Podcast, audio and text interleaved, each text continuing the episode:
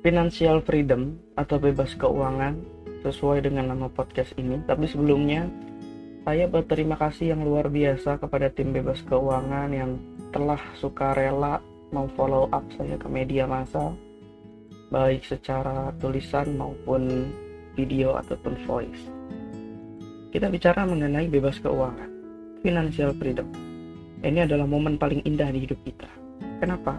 Karena kita bisa duduk leyeh-leyeh tiap sore, tiap pagi, sambil menikmati kopi dan memandangi indahnya pemandangan dunia.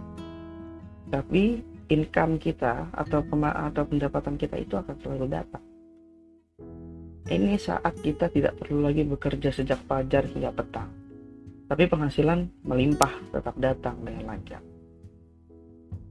Financial freedom ini mungkin menjadi sejenis aspirasi bagi sebagian besar orang. Sebab dalam kondisi ini kita nggak perlu bekerja penuh letih mengejar uang. Kita udah ngos-ngosan capek kejar uang, pas dapat cuma dikit uangnya.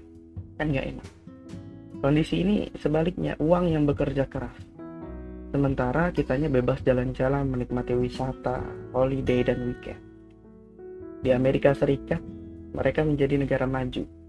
Karena bukan hanya manusianya yang bekerja, tapi asetnya mereka pun juga bekerja. Namun nggak mudah untuk mencapai tahapan financial freedom. Hanya orang-orang dengan mindset positif dan keteguhan hati yang bisa menembusnya. Menurut saya ada lima tahapan supaya kita bisa mencapai financial freedom. Yang pertama adalah deficit. Ini adalah jalan terjauh dari puncak financial freedom. Di tahapan ini penghasilan seseorang itu hanya UMR atau 4 juta sebulan. Pengeluaran hidupnya 6 juta. Atau gaji 10 juta, atau gaji 20 juta, pengeluarannya 30 juta. Puyeng dah itu. Akibatnya, orang tersebut berhutang. Entah kepada keluarga, rentenir, koperasi kantor, atau kredit. Hati-hati dengan kartu kredit. Karena kartu kredit ini bisa menciptakan ilusi kekayaan yang semu dan mematikan. Gesek sana, gesek sini. Penuh dah itu hutangnya, tagihan datang, bunganya datang, kaget kita. Bingung mau bayar pakai apa. Kemudian ada sufficient.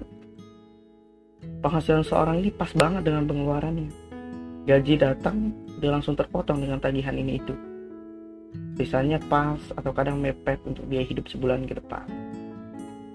Orang-orang dengan tahapan ini biasanya akan menabung karena ini adalah sebuah kemewahan bagi mereka.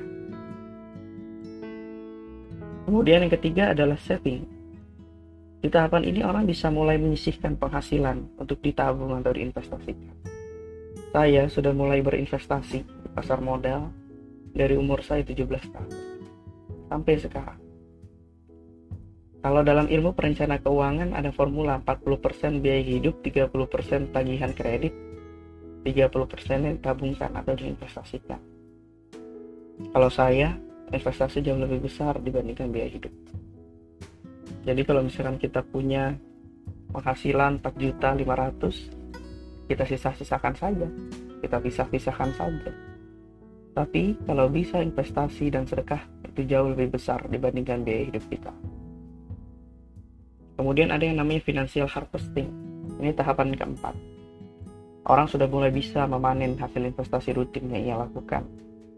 Misalkan, dia mempunyai sebuah reksadana dengan return 20%, maka dia mempunyai income yang lebih besar.